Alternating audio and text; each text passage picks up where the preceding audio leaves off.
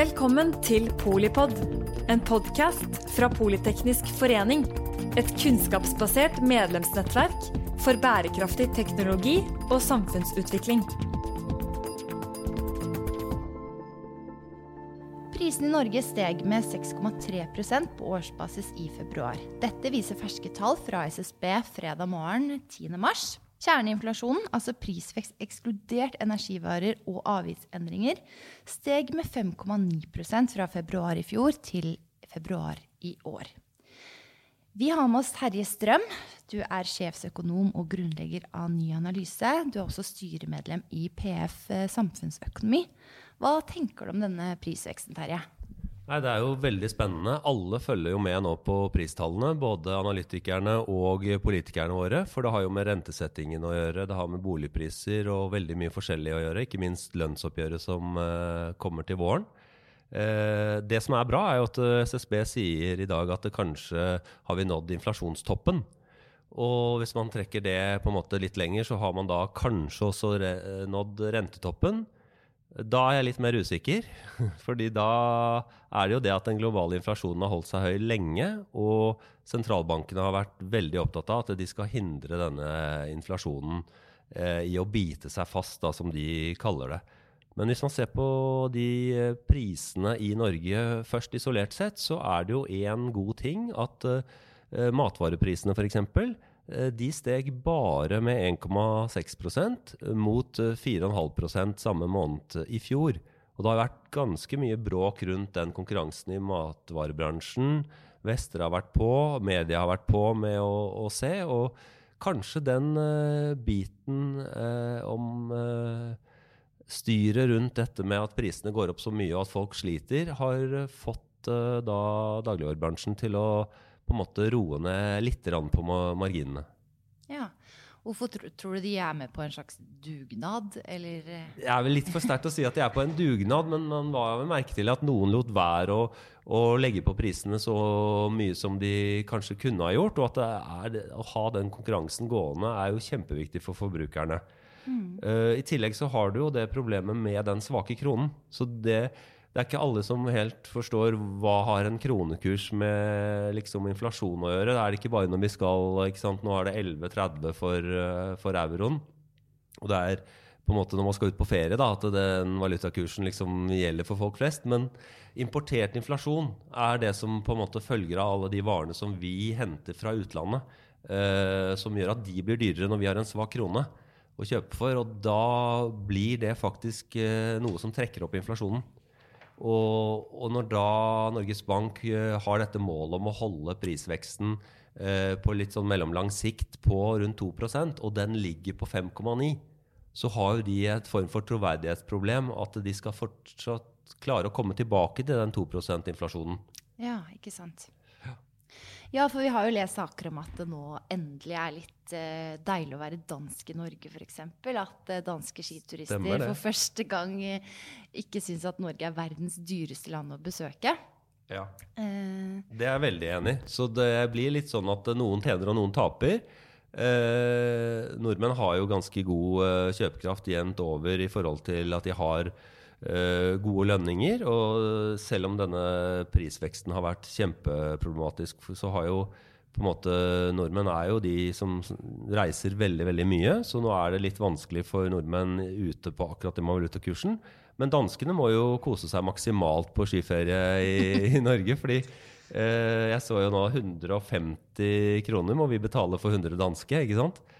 Og det, så sånn sett så er det, hvis man skal studere i København til høsten, så er det mye verre å komme dit som, eh, som norsk, da. Ja, det blir noe fryktelig dyre øl. Ja, det blir det. Så Nei da. Men det, det, det med kronene er jo på en måte For meg har det vært litt spesielt å se at vi har så svak uh, krone. For jeg jobbet i NHO for en liten evighet tilbake, og da hadde man en annen utfordring med at kronen var altfor sterk. Da hadde man 7,30 7,30 for en euro. Og da var eksportnæringene kjempefrustrerte uh, ved at det var uh, vanskelig å konkurrere. Og da var det en rentedifferanse, så vi hadde mye høyere rente enn uh, andre land der. 2-3 prosentpoeng til og med. Og da styrket kronen seg. Og vi, vi, hadde jo også disse oljeinntektene vi skulle innfase i økonomien, så da tenkte man at man ville ligge med en høyere rente enn andre land veldig lenge. Nå har du det motsatte problemet, egentlig. Du har Ja. god hjelp i forhold til konkurranseevne eh, for eksportnæringene. Og eh, reiselivet i Norge tjener jo typisk nettopp på de danske turistene og andre også. Men da får du den rare biten om at eh, lønningene kan likevel ikke galoppere i, i samme takt eller over prisveksten. Så, så, men så ser man jo nå i lønnsoppgjørene at øh, Unio har sagt at lærere og helsepersonell må få mer enn industriarbeiderne. Eh, og, og, og det liksom eh, er fordi de har sett bonuser som har vært i privat næringsliv osv. Og, og olje- og gassbransjen går jo på et vis mye mye bedre enn det man hadde trodd for et år eller to tilbake.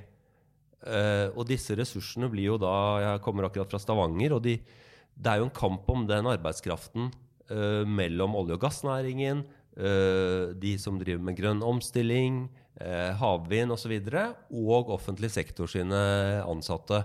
Og med en arbeidsledighet som på en måte registrert er kanskje under 2% og da snakker jo også SSB om at det er en un unormalt lav arbeidsledighet. Eh, men det som er synd i forhold til det, da, er jo at det er arbeidskraftressurser i de 400 000 som er utenfor arbeidslivet. Enten på arbeidsavklaringspenger eller ute med en eller annen trygd ytelse, men egentlig ønsker å jobbe. Eh, og at det er seniorer som kan stimuleres til å jobbe lenger. Og at det må være mulig med en målrettet arbeidsinnvandring fra andre land for å dekke opp. Så liksom stramt budsjett å holde igjen i forhold til helsesektoren, holde igjen fra politikernes side, virker litt for ensidig for meg i forhold til at det kun er for å holde renta nede, så boliglånene ikke skal bli dyre, og at de skal stemme på Gahr Støre og kompani neste gang, da. Men eh, hva vil det si, da? Hva, hva tror du vi kan forvente oss uh, i år av lønnsvekst? Nei, altså. Jeg ser jo at uh, Teknisk beregningsutvalg de sier et inflasjonstall på 4,8 uh, SSB hadde 5 uh, Det litt morsomme er at da SSB også har at inflasjonen kommer nå til å nå omtrent målet om to år. Uh, Som jo er målet til uh, Norges Bank. Så det, hvis man ser på prognosen som kom i dag fra SSB, så sier de faktisk at dette kommer til å gå bra. Uh, ok, med to renteøkninger, men for folk flest så tror jeg at det, det som er det vanskelige med de lønnsoppgjørene, er jo mellom næringer og bransjer, offentlig og privat. Uh, du skal jo gi over til medarbeiderne i privat sektor når det går veldig godt. Mm. ikke bare til ledere eller eiere, men også til de ansatte. Samtidig så får man en dyrere offentlig sektor hvis de får det samme som privat næringsliv. Og så har du dette hvis da lærere og sykepleiere skal få mer for en gangs skyld. så er det jo andre grupper i offentlig sektor som vil føre at det blir urettferdig. Og den 5 er jo veldig høy som en sånn generell lønnsvekst. Ja. Så når det var eh, priser på 2,5% så gikk det an å si at alle skulle få eh, 2,5 og så skulle man premiere de som hadde en ekstra innsats, eller lavtlønnstillegg eller kvinnetillegg og forskjellige ting, på toppen av de 2,5% i bånn. Men når man har 5% på en måte i bånn, så blir det jo veldig dyrt for virksomhetene. For det er jo ikke alle som tjener så godt som eh, olje og gass og noen tilknyttede næringer der. Nei. Er det noe man kan gjøre? Er det noen instrumenter man har for å sørge for at, at ikke noen grupper løper fra, sånn som i olje og gass og privat eh, næringsliv? Og at de som eh, gjør en ekstra innsats hver dag da, i offentlige yrker, ikke havner akterut? Mm, det, det, det er derfor de har satt ned dette utvalget som Steinar Holden skal lede for jeg tror fjerde gang og se på frontfaget. Eh, Så, så liksom der er det noe de sannsynligvis skal prøve å se på. Og det går jo på nettopp det at eh, det har vært en utfordring når olje- og gassnæringen har gått spesielt bra, at det får en smitteeffekt over på NO, NO eh, industrifunksjonærer, altså leverandørindustrien rundt. Og, og da er det på en måte Det har de råd til å betale, og det er vanskelig å holde igjen, særlig når det er veldig sterk kamp om arbeidskraften, sånn som det på en måte er nå. For jeg var også spurte i Stavanger er det ikke det at man kan man ikke få til mer målrettet arbeidsinnvandring. Kan man ikke hente folk fra utenforskapet? Og da var det jo flere som sa at dette er så spesialisert arbeidskraft at det, det er ikke så lett å få tak i de. Det var noen som hadde brukt fagarbeidere istedenfor ingeniører på noen lettere type oppgaver som ikke krever full ingeniørutdanning. Som en sånn midlertidig løsning, i hvert fall, var det en som sa.